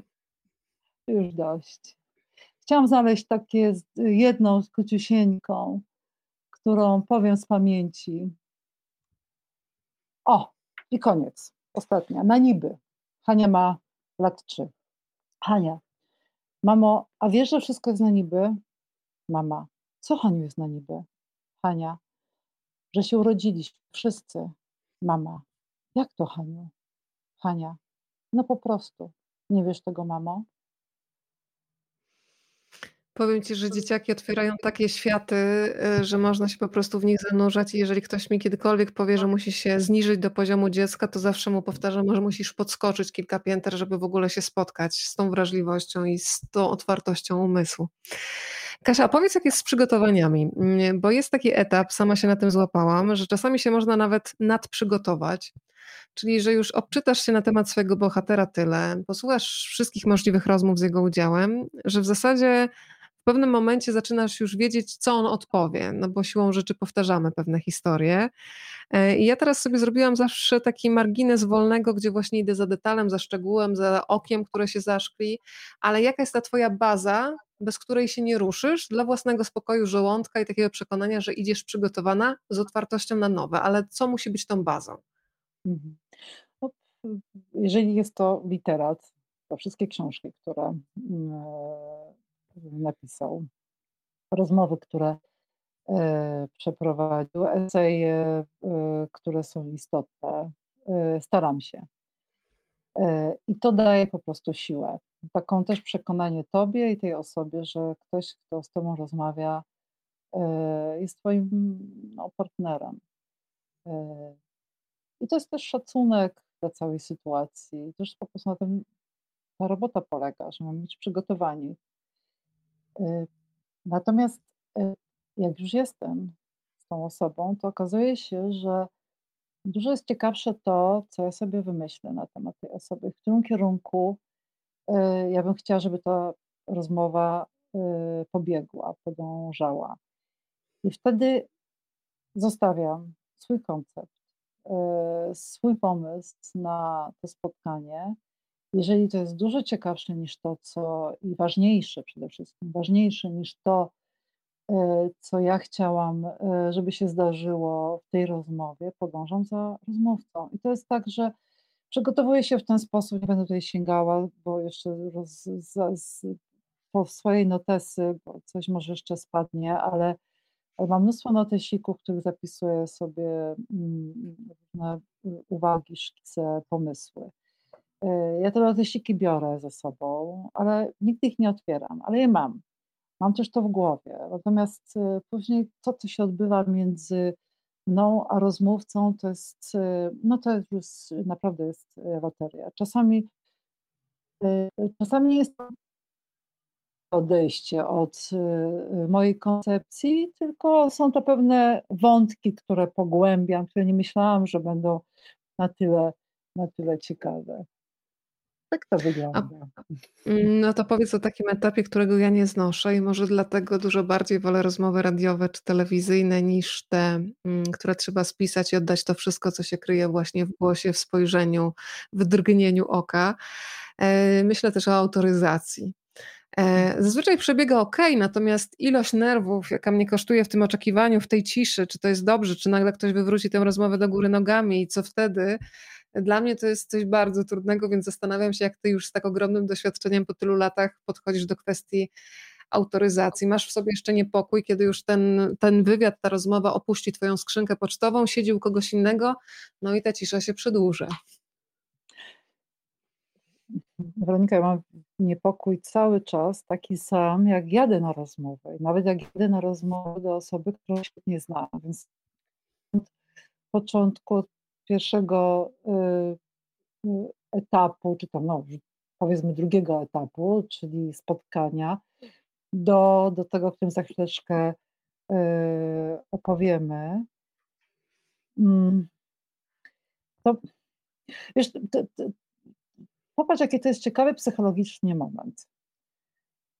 Spotykasz się z kimś, masz to nagrane, zazwyczaj na, na dyktafon, albo zazwyczaj już teraz dziennikarze tak, y, y, nagrywają, nie tylko robią notatki. Też notatki też się przydają. Porozmawia ja sobie robię czasami notatki. Y, I odsyłasz rozmowę do Twojego bohatera, już napisaną, skomponowaną, Y, z, z, z, napisanymi emocjami, bo to, co przecież tutaj się dzieje, my się widzimy, uśmiechamy, słyszę ja Twój głos, Ty mój głos, tego nie usłyszy i nie zobaczy czytelnik. Zdziwienie, smutek. Trzeba też umieć zapisać. Dlatego ja mówię, że się pisze rozmowę. Y, ta osoba czyta to, co mówiła powiedzmy dwa tygodnie temu, jest zdziwiona. To ja? Dlaczego pani to napisała? Dlaczego w ten sposób? To jest bardzo, zawsze, i zawsze też jestem zdumiona, jak e, e, ktoś wyraża zdumienie, no wtedy się zaczyna no, negocjacja. Już wiem, że rozmowy, w której tutaj w Polsce niestety obowiązuje, że można tak głęboko zaingerować w rozmowę to, to, to, przy autoryzacji. E, e, tak nie powinno się dziać. Można, powinno się, można zrobić korekty, można um, oczywiście poprawić nazwiska, po to jest autoryzacja, jakieś błędy merytoryczne, tak. E, natomiast nie można zmieniać, przepisywać rozmowy. Wiesz, pod warunkiem, że się oddaje człowiek w dobre ręce, bo są też dziennikarze, którzy potrafią spisać rozmowę jeden do jednego i ta rozmowa wiadomo, że mówiona kompletnie nie ma rytmu, e, więc mhm. naprawdę tutaj się trzeba w fachowe ręce oddać, bo sama byłam świadkiem też tak powykręcanych rozmów, że tej mhm. autoryzacji bym broniła też ze względu na no to bezpieczeństwo tego bohatera, bo ja go rozumiem, chociaż wiem, że przewraca mi na przykład rozmowę do góry nogami kompletnie, nie? Okay, Bo to jest jego będę... życie, więc. Ale Jasne, nie, bardzo jestem ciekawa. Jest, tak, tak. To jest, ja takich rozmów już nie, nie mam, rozmowy skrócone, e, ale nie w tej książce. W tej książce są rozmowy, których jestem, e, jestem absolutnie pewna. Jakby widziałam, że chcę, żeby się znalazły właśnie te w takiej formie. Nie było żadnych cięć ze strony moich rozmów. One się zdarzają. To w ogóle to dziennikarze mogliby o tym, tutaj mogłaby zrobić spotkanie z wieloma dziennikarzami, byśmy sobie opowiadali o rozmowach, które były dobre, a już po autoryzacji są niedobre, albo tak, się nie ukazały. Może jakaś taka książka by powstała, To by było nawet bardzo ciekawe, wiesz? Najciekawsze kawałki, które nigdy nie ujrzały światła dziennego, tylko autorzy rozmów mieli okazję je przeczytać. Słuchaj, korzystając z okazji, że jest z nami pani Ela, mm, chciałam trochę opowiedzieć o tej rozmowie, bo tak jak powiedziałam, ja mam serce bardzo pojemne i non-stop się zakochuję w ludziach i uwielbiam takie chwile, kiedy się mogę zakochać jako czytelnik. Po pierwsze, już sam portret pani Eli jest taki, że patrzę na kobietę, której oczy się śmieją. I to widać, taka energia przechodzi też przez e, papier fotograficzny. Ale dwa, niezwykła historia. Gdybyś mogła trochę przybliżyć, podsycając apetyt na lekturę, ale oczywiście w odpowiednim momencie się zatrzymamy, tak żeby Państwo samodzielnie mogli odkrywać tę historię. Ja teraz żałuję, że tutaj Eli nie ma z nami i że Ela nie może opowiedzieć e, tej historii, bo, bo wspaniale opowiada, haha, widzę, haha, tak, haha, wspaniale opowiadasz o Elżbieto, o, o rodzicach. E, Zofia i Kazimierz Moczarscy. Zofia e, trafiła do więzienia na 6 lat. E, Stalinowskiego, Kazimierz na 11. Przez wiele lat, Elżbieta, jak będę tutaj coś gubiła się w liczbach, to proszę poprawiaj mnie. Przez wiele lat w ogóle nie wiedzieli, że żyją. Myśleli, że nie żyją, że zresztą Kazimierz Moczarski miał dwa wyroki śmierci. Kazimierz Moczarski trafił do celi z Jurgenem Stropem, e, e, który stał się bohaterem, e, bohaterem, jednym z bohaterów jego książki Rozmowy z Katem. Jurgenem Stropem, który był odpowiedzialny za likwidację getta warszawskiego. I spędził z nim kilka miesięcy. I teraz tutaj ważna informacja taka dziennikarska, bo e, Kazimierz Moczarski z więzienia wyszedł, jak już powiedziałam, po 11 latach i przez te 11 lat, najpierw przez kilka miesięcy rozmawiał e, ze swoim wrogiem. E, gromadził w pamięci te wszystkie informacje, porządkował. Wtedy jeszcze nie mógł pisać miał dopiero później po latach w więzieniu mógł robić notatki. E, I wyszedł z więzienia. E, pani Zofia e, wcześniej. I teraz powiem o Elżbiecie, bo Elżbieta się rodzi po wyjściu rodziców z więzienia i to jest ich wielkie zwycięstwo, tak, tak, tak mówią. I tak na pewno jest. I do końca właściwie życia Kazimierz Moczarski pisze rozmowę z katem. E, umiera przedwcześnie. E, Elżbieta, ty masz kilkanaście lat, prawda? E, później umiera mama. I Elżbieta, jako niespełniona, niespełna dwudziestoletnia kobieta, zostaje na świecie sama z taką wielką historią swoich rodziców. I do dzisiaj Elżbieta dba o ich pamięć. Jest fundacja, przyznaje nagrodę historyczną dla najlepszej książki historycznej, nagrodę najlepszej książki historycznej. No, od, od wielu, wielu lat wspaniale kultywuje myśl o moczarskich, swoich rodzicach. I ja tutaj powiem, że marzyła mi się, może to się zdarzy, Ela, że to zrobimy, żeby napisać e, historię miłości e, Zofii Kazimierza Moczarskich. O, jak bardzo bym chciała przeczytać. Powiedzmy też, jak jest zatytułowany ten rozdział, Kasia, mm, bo on jest znaczący mhm. Owoce śmierci. I pojawia się tam wątek gotowania kompotu.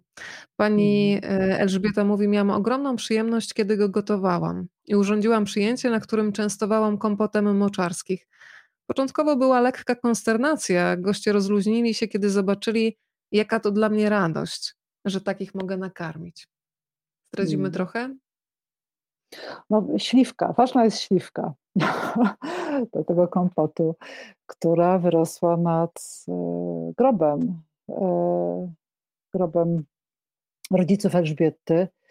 Najpierw to była taka, taka śliwka, taka, taka sobie śliwka, dzika i nieciekawe owoce wydawała. Pewnego, pewnego dnia rozkwitła. Elżbieta pozbierała te owoce, ugotowała i ugotowała e, z nich kompot i zrobiła imprezę, na której właśnie e, zdarzyło się to, o czym przeczytałaś, czyli poczęstowała e, swoich gości.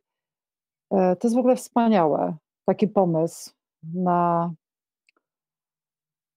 na to, na to, na, na, na, uczczenie kogoś, na zapamiętanie, no to popatrz, to zapamiętałyśmy, prawda? Ty zapamiętałaś, to, te, ten fragment wybrałaś e, e, z tej rozmowy. Na to, jak e, państwo moczarscy nie żyją, ale o pamięć ich dba ich córka. I drzewo, które obradza w owoce, więc życie cały czas się toczy. Powiem ci, że dzisiaj złożę dyspozycję, żeby mój mąż też, jeżeli ja zajdę, że tak powiem, szybciej, żeby na moim grobie było drzewo, bo słuchaj, to jest niesamowite, że mm, śmierć zamienia się w życie. I to jest taki właśnie ciąg zamknięty. Dla mnie ta historia jest magiczna. Pani Ela zresztą teraz napisała, że teraz już są y, dwa drzewa, jest śliwa i dzika y, mirabelka, a przy okazji ważne przypomnienie, że w piątek finał tegorocznej nagrody imienia Kazimierza Moczarskiego, czyli nagrody dla najlepszej książki historycznej. Dzięki tej książce też się dowiedziałam, że statuetka nagrody nie jest przypadkowa, to jest, drodzy Państwo, replika temperówki pana Kazimierza i też się o tym dowiedziałam dzięki waszemu spotkaniu i waszej rozmowie. E, Kasia, powiedz jeszcze kilka słów o spotkaniu z Magdaleną Tuli. E, bardzo lubię tę pisarkę, pamiętam ją też z takiej długiej rozmowy rzeki Justyny Dąbrowskiej. Mhm. E, powiedz, jak wy się do siebie zbliżałyście? To był właśnie ten moment, kiedy przychodzisz i od razu jest chemia, czy takie mhm. powolne obwąchiwanie się? Jak to spotkanie wyglądało? Powolutku powolutku, powolutku, powolutku. To jest jedna z wielu rozmów, które z, przeprowadziłam z Magdaleną Tuli. E, pani Magda jest bardzo ostrożną osobą, e, bardzo uważną e, i opowiada w tej rozmowie, to jest rozmowa pod tytułem Same dwóje, tak jak dobrze pamiętam, o dzieciństwie, o tym jak wtedy w latach 50., 60. fatalnie traktowało się dzieci. E, e, I e, o tym, jak właśnie to wszystko, o czym mówię, pani Magdalena Tuli potrafiła przekuć wartość, czyli stworzyć z tego literaturę. Mm. Pani Magdalena Tuli jest tą rozmówczynią, która mówi bardzo oszczędnie, waży każde słowo. I jak się przeczyta tę rozmowę, to Państwo będą wiedzieli dlaczego. Jednak to doświadczenie, e, doświadczenie życia Żydówki w Perelu, e, Zagomułki, e, doświadczenie osoby, która część rodziny zginęła w Holokauście, naznaczona całe życie także na to, jak się komunikuje ze światem, jak jest bardzo ten człowiek ostrożny. Wspaniała osoba, w ogóle polecam każdą książkę pani Magdaleny Tubi. Katarzyna Kubisiowska dzisiaj, drodzy Państwo, razem z nami. Wędrujemy przez kolejne karty książki blisko, bliżej i ja teraz zatrzymałam się przy pani Annie Seniuk, bo zabrałam sobie takie jedno zdanie do kieszeni mm, i myślę, że przyda się wszystkim po drugiej stronie, którzy mają taki etap w życiu, kiedy na przykład jest przestój, nie ma zleceń, niezależnie od tego, jaki zawód Państwo uprawiają.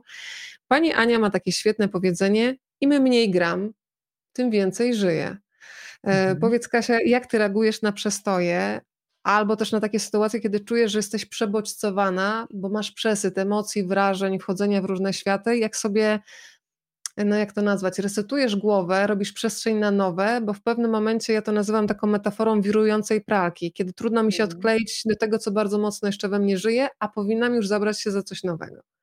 Mhm. No, nie, nie umiem odpowiedzieć na to pytanie, bo niestety z, z, z, ja cały czas pracuję. Nie mam, nie mam żadnego nie, nie, przystanku na wypoczynek. To, to, to nie jest dobre, ale tak jest.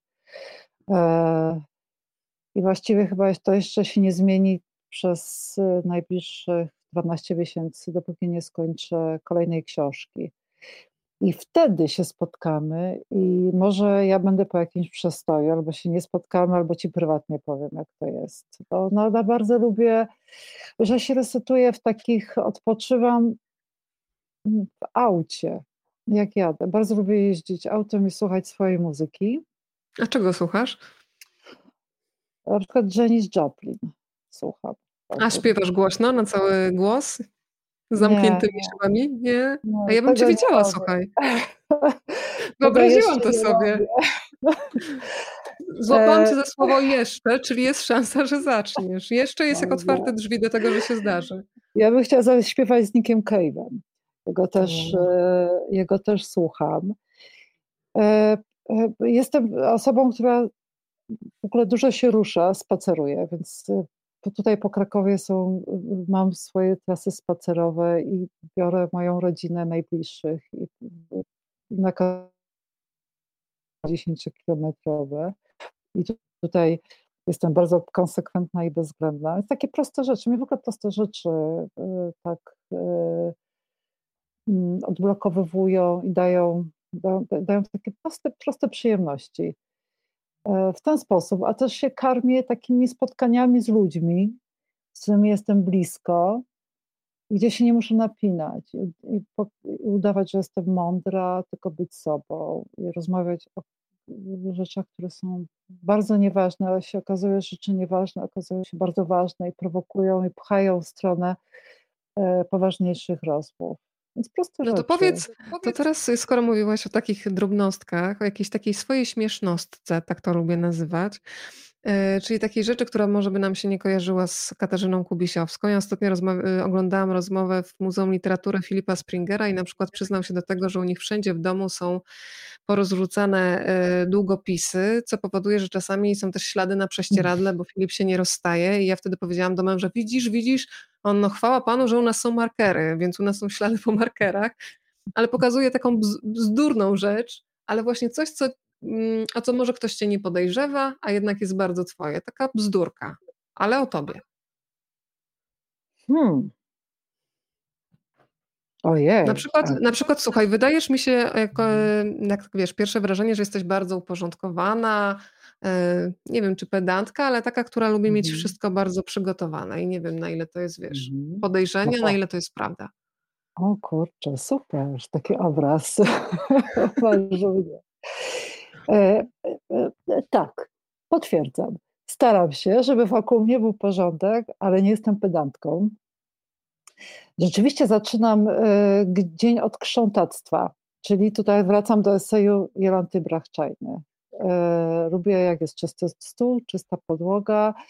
E, i lubię, jak, jak dzień się zaczyna od porządku.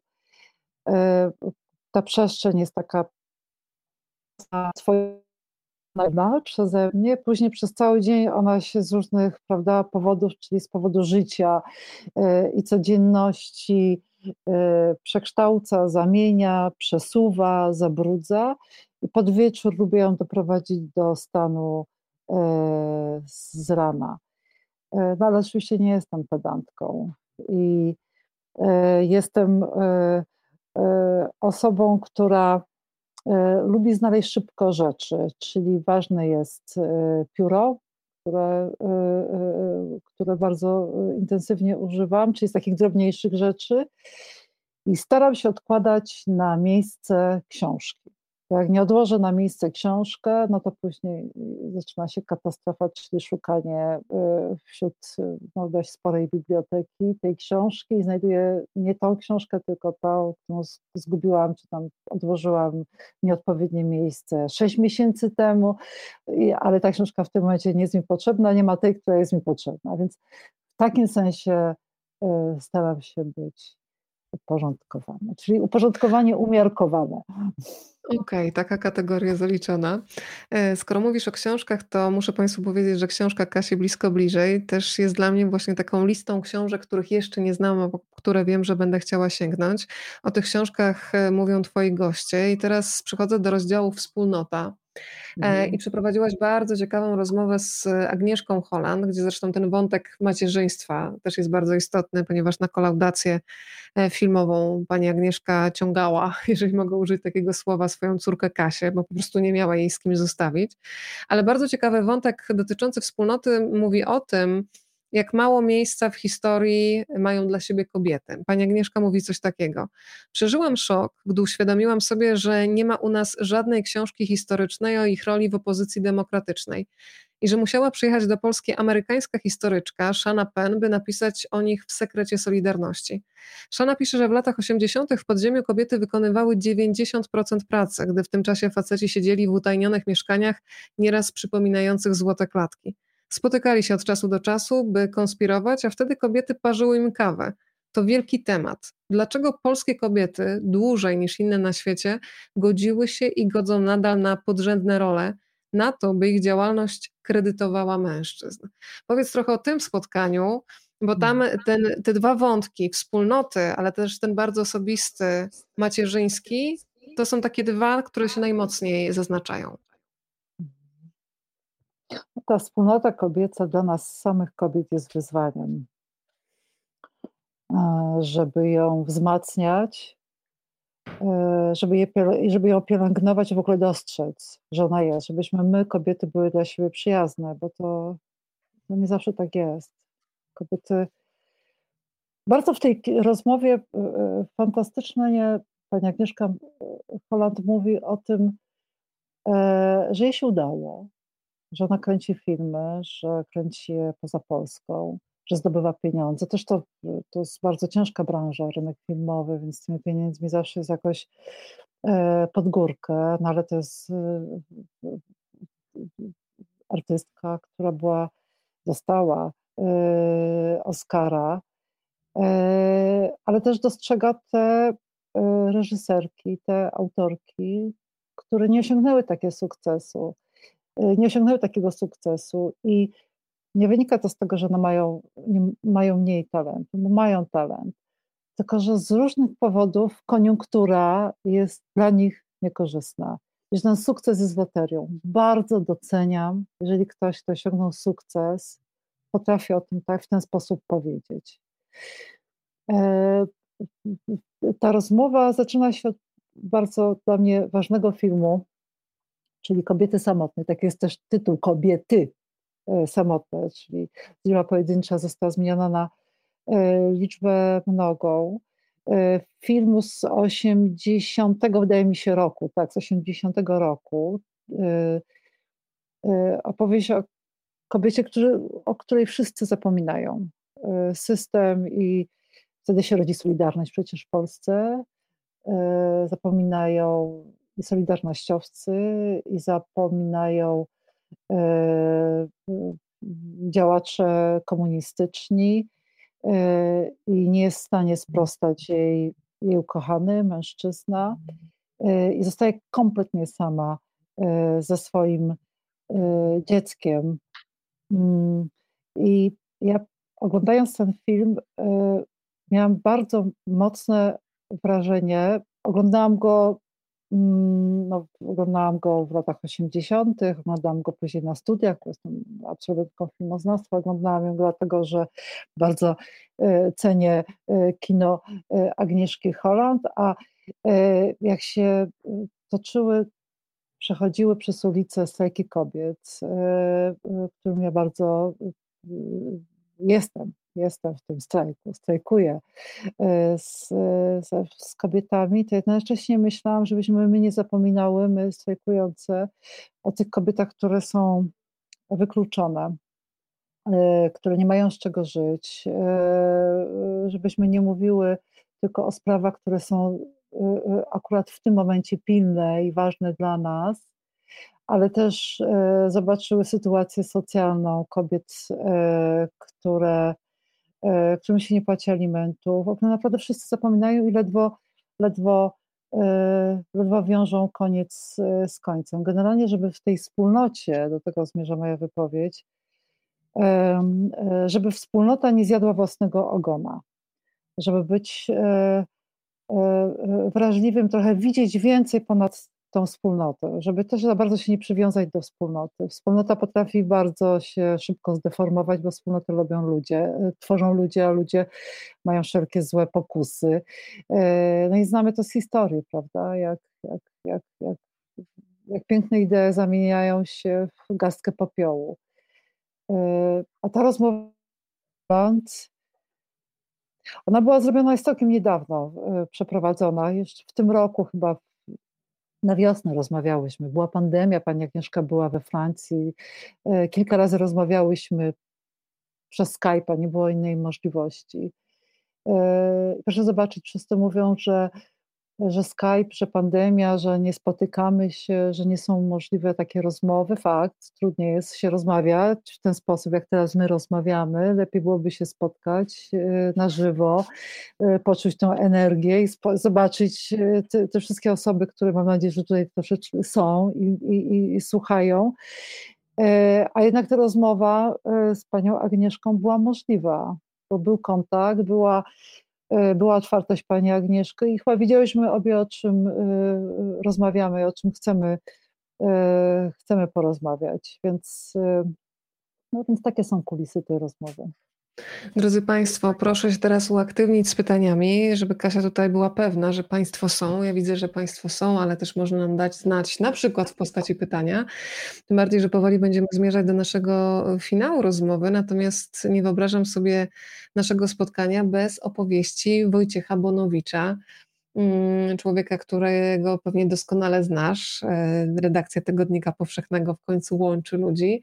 A w tej opowieści pana Wojciecha dla mnie piękny wątek to jest opowieść o przyjaciołach z Radwanowic, mm, o takim pięknym świecie, jednocześnie naznaczonym cierpieniem. Mm, wprowadź nas proszę w codzienność osób, o których pan Wojciech opowiada, bo myślę, że bardzo często żyjemy w jakichś takich swoich bańkach, swoich małych, większych krainkach i nawet nie mamy pojęcia, że życie gdzieś się toczy, jest y, pełne cierpienia, ale jednocześnie potrafi być piękne.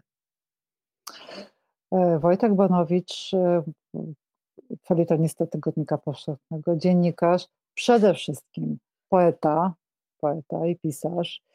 E, I mój kolega, z którym się znamy od moich lat nastoletnich, właśnie poznaliśmy się w tym miejscu, o którym e, i z tymi ludźmi, czyli z ludźmi niepełnosprawnymi, w takim ruchu Wiara i Światło.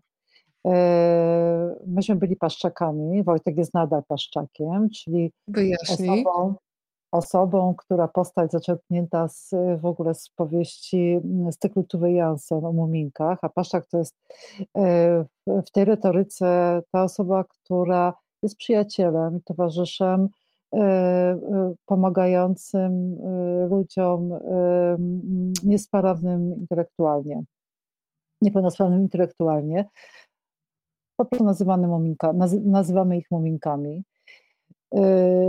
I ja w tym ruchu wytrwałam dwa lata, może trzy. E, Wojtek jest cały czas. E, nie chcę już Wojtkowi liczyć, ale naprawdę to już jest kolejna dekada. To jest wspaniałe. To może powinnam policzyć. Myślę, że Wojtek jest trzy dekady paszczakiem, przyjacielem ludzi właśnie niepełnosprawnych intelektualnie, którzy których poznali, poznaliśmy, jak byli dziećmi, a dorosłymi y, ludźmi i po prostu żyje z tymi ludźmi, pomaga im, jeździ, y, jeżdżą razem na obozy, spotykają się, rozmawiają, są przyjaciółmi. No to jest taki świat, gdzie ludzi, gdzie liczy się przede wszystkim serce i otwartość. I to jest opowiedzieć o tym świecie, tak jest, e, to trzeba po prostu zobaczyć, jak, jak ci ludzie patrzą, jak się zachowują, jacy są serdeczni, no jak bardzo poszerzają nasze, nasze człowieczeństwo. Zdecydowanie dużo więcej dają, myślę, że nam, e, zdrowym ludziom, niż my im. Nawet jest to tak Pojawił, Kasia, Mhm. pojawiły się pytania, więc ci je już od razu niezwłocznie przekazuję. Pani Mhm. Basia pyta, e, z kim chciałabyś jeszcze porozmawiać, a dotąd się nie udało? E, I pani Basia też dziękuję za spotkanie. My dziękujemy za obecność. Mhm. No, y, ja bardzo bym chciała porozmawiać z księdzem Adamem Bonieckim, e, z którym spotykam się w redakcji. Siedzę, jak na kolegiach redakcyjnych staram się siedzieć koło księdza Adama. E, I tyle razy już przeprowadziłam z Adamem rozmowy, po prostu rozmawiamy e, sobie i prywatnie, i mniej prywatnie. Jakieś prowadziłam spotkanie publiczne z Adamem, jakiś nagrałam podcast i moja córka właśnie, Haneczka, przeprowadziła, jak miała 11 lat, rozmowę z księdzem Adamem, a ja z, e, z Adamem, księdzem Adamem nie, nie rozmawiałam i bardzo bym chciała z księdzem Adamem porozmawiać o zachwycie. Może A pamiętasz, o co Haneczka pytała wtedy? Pytała o przyjaciół księdza Adama. I co ksiądz E, odpowiedział? Jeżeli możesz Ksiądz, zdradzić. tak, jak dobrze, e, to, to, to, to będę teraz tak trawestować, ale powiedział, że przyjaciel to jest taki człowiek, z którym um, możesz się nie widzieć e, bardzo długo, ale jak go spotkasz albo on do ciebie zadzwoni, to masz wrażenie, że wczoraj się z nim widziałeś i słyszałeś, że to się nic nie zmienia taką, y, bardzo piękna jest to rozmowa, którą moja córka przeprowadziła na dziennikarskie kółko i pani powiedziała, proszę przeprowadzić y, rozmowę z kimś sławnym. I moja córka powiedziała, że ona by bardzo chciała z księdzem Adamem. Ja zadzwoniłam do Adama i zapytałam się, czy y, zgodzisz się porozmawiać z moją córką i Adam był bardzo przejęty i w ten sposób powstała rozmowa księdza Adama i Hani Łabęckiej, wydrukowana w Tygodniku Powszechnym. Można się dokopać w archiwum, jak rozumiem. To dla tych, którzy będą chcieli sobie zorganizować ciąg dalszy naszego dzisiejszego spotkania. Pani Bożena pyta, jak to się dzieje, że rozmawia Pani z tą właśnie osobą, czyli jak wybiera Pani swoich rozmówców, a może to nie wybieranie, tylko coś innego. Mhm. Tutaj y, to idzie dwutorowo. Y, jestem dziennikarką tygodnika, dostaję zadanie, mam wykonać, przeprowadzić y, rozmowę z tą konkretną osobą trzeba to zrobić. Oczywiście, jakbym bardzo nie chciała, jakbym powiedziała, że nie potrafię albo za mało wiem na ten temat, co się zdarza, to robi to ktoś inny, mądrzejszy, bardziej gotowy na takie spotkanie. E, więc to dostaję tutaj sygnały od mojego naczelnego, jednocześnie szefa działu kultury, albo gdzieś na kolegium redakcyjnym decydujemy, że ja akurat przeprowadzę tę rozmowę.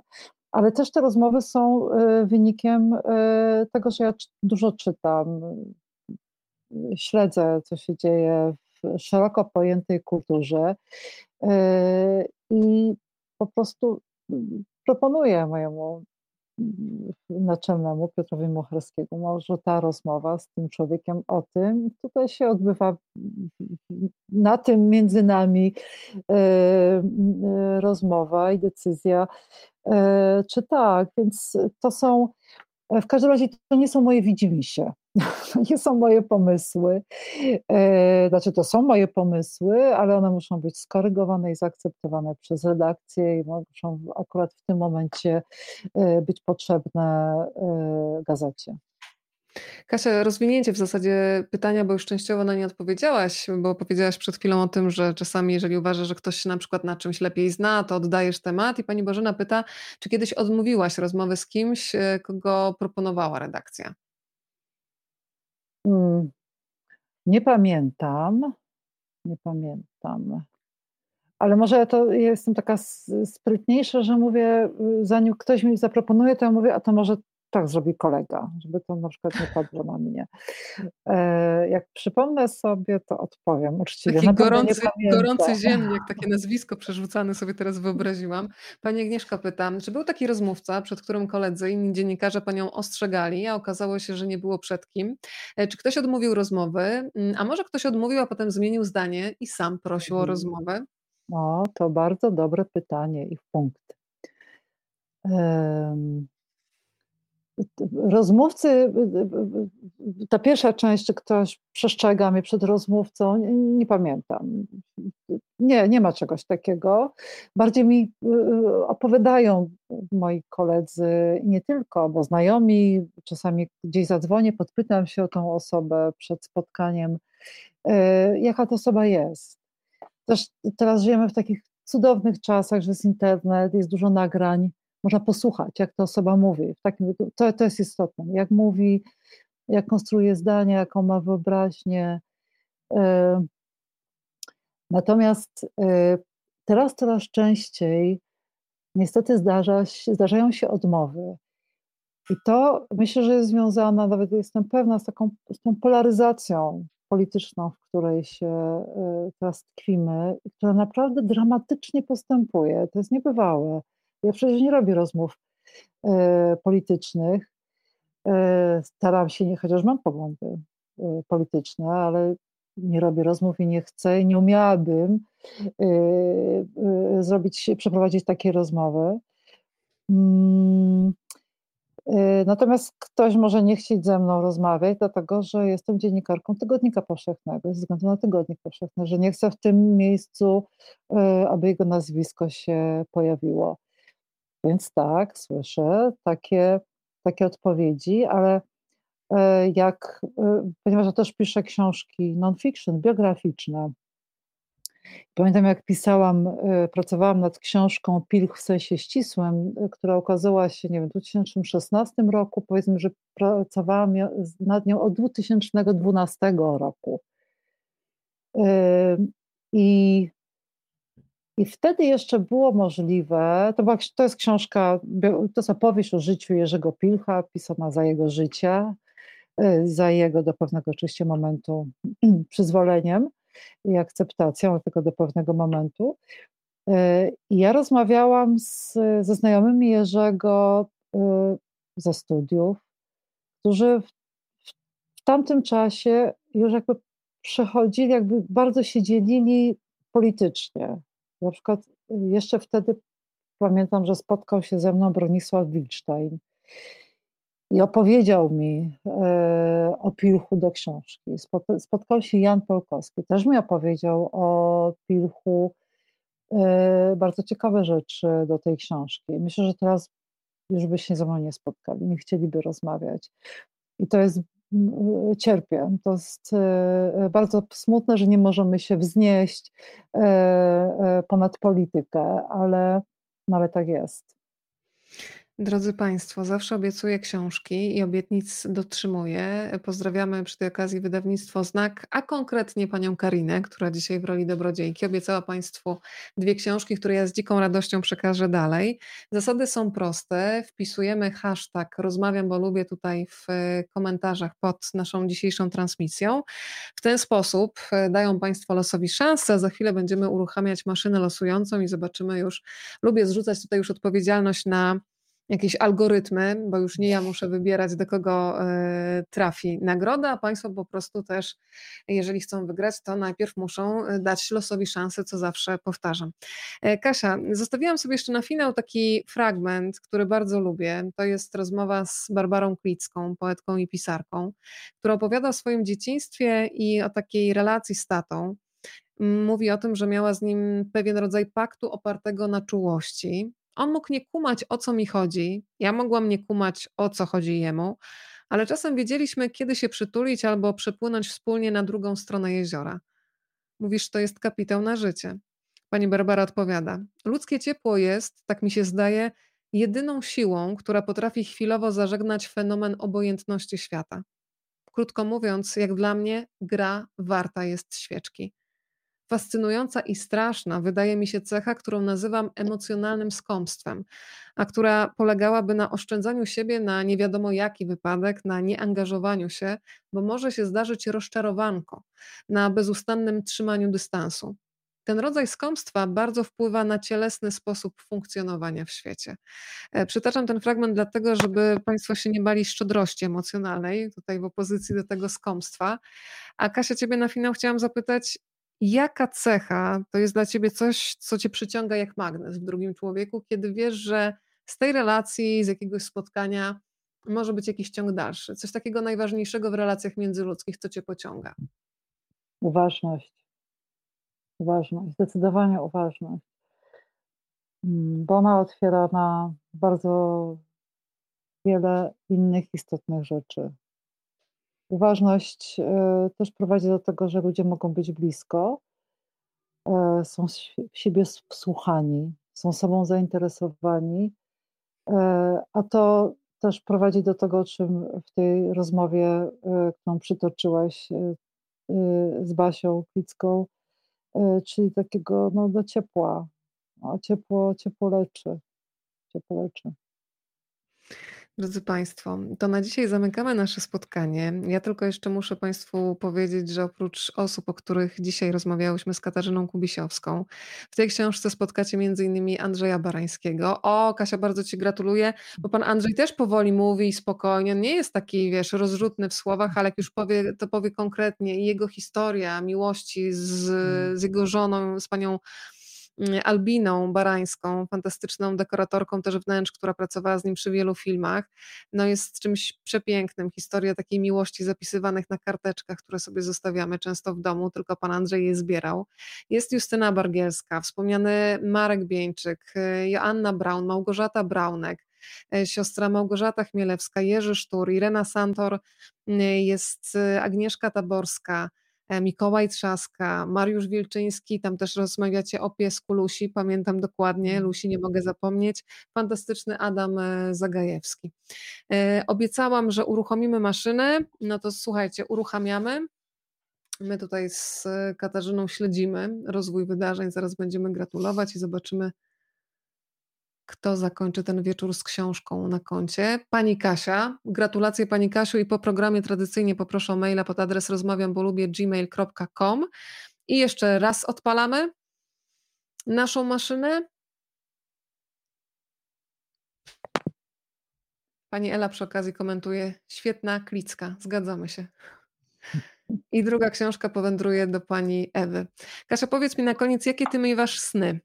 E, z doświadczenia dziennikarza radiowego wiem, że w zależności od montażu albo miałam takie krótkie, dynamiczne sny, kiedy było dużo cięć, a kiedy się snuła historia, to miałam jeden długi sen, który potrafiłam zapamiętać i rozpisać po przebudzeniu. Jak jest z tobą, bo w tej głowie jest tyle myśli, rozmów i spotkań. To y, opowiem króciutki sen, który y, opowiedziałam mojemu synowi dwa dni temu, y, który dostał zadanie na grafice narysować czyjś sen. Może narysuję ten sen. Wchodzę do y, y, pokój, mój dziewczyński pokój. Y, jest w tym pokoju taki, taki jak był, prawdziwy, tak urządzony. W tym pokoju jest obrazek Matki Boskiej, którego nie było akurat, i w tym obrazku Matki Boskiej jestem ja. Ja jestem Matką mm. Boską, która patrzy, patrzy gołkami, rusza i chce wyjść z tego obrazka i się bardzo męczy. I w pewnym momencie do tego pokoju otwierają się drzwi i wchodzi kto? Katarzyna Kubisiowska, czyli druga ja. I ja, Matka Boska, próbuję nawiązać kontakt i powiedzieć tej Katarzynie Kubisiowskiej, żeby mnie uratowała. To jest mój sen. Wiesz, z kim się musisz zwrócić na, na interpretację tego snu? Do Mariusza Szczygła. On bardzo lubi amatorsko, bo amatorsko, ale zawsze sny analizuje. Pamiętam z jednej z rozmów radiowych, kiedyś opowiadaliśmy sobie o snach i on się podjął interpretacji, więc jak będziesz się widziała ze szczegółem, to ten sen będzie do interpretacji. Bardzo dziękuję Państwu za uwagę. Dziękuję Katarzynie Kubisiowskiej za jej wrażliwość, emocje i czas. Państwa zapraszam oczywiście na kolejne spotkania. Jutro e, będzie z nami Kasia Bobocińska-Czerwińska, autorka bloga Conchita Home. Porozmawiamy sobie o projektowaniu, więc jeżeli ktoś z Państwa ma akurat remont albo jakieś plany dotyczące zmian w mieszkaniu, bardzo proszę. 2 e, grudnia e, zapraszam do śledzenia wyniku konkursu Literacka Podróż Hestii. Poznamy laureatkę lub laureata, bo mamy tam i nominowanych mężczyzn i kobiety. To jest nagroda na najciekawszą książkę dla dzieci i młodzieży. O tym konkursie jeszcze będę Państwu opowiadać, a trzeciego będziemy podsycać apetyt na życie i na zdrowe smaki z Magdą i z Piotrem Kucharskimi. Porozmawiamy, porozmawiamy o ich wspólnej książce Jak zdrowo jeść i nie zwariować. E, Kasia, co zjesz jutro na śniadanie? Bo kolacji już kawę. chyba nie będzie. Czy będzie? Nie, nie będzie. Jutro zjem na śniadanie kawę. Ale tak na pusty żołądek startujesz z dniem? Nie wierzę. Bez kawy nie byłoby żadnej książki. A do kawy coś słodkiego? Oś tak, będzie tak, tak. Na pewno coś słodkiego. Coś tylko muszę Przytul znaleźć. przytul swoje koty ode mnie. Nie chciały zaistnieć dzisiaj, yy, na ekranie, ale wierzę, że dają ci też dużo spokoju. Jak patrzysz na nie, to czego im zazdrościsz? No tylko, że tak długo mogą spać i później się obudzą i dalej mogą spać, że nie cierpią na bezsenność. Tego. To ja ci życzę kolorowych snów, yy, żebyś miała coś równie Dziękuję. ciekawego do powiedzenia jak ten sen z Matką Boską, bo on nie daje mi już teraz spokoju. Katarzyna Kubisiowska, Blisko Bliżej. Pięknie dziękujemy. Do zobaczenia. Dziękuję Weroniko. Dziękuję.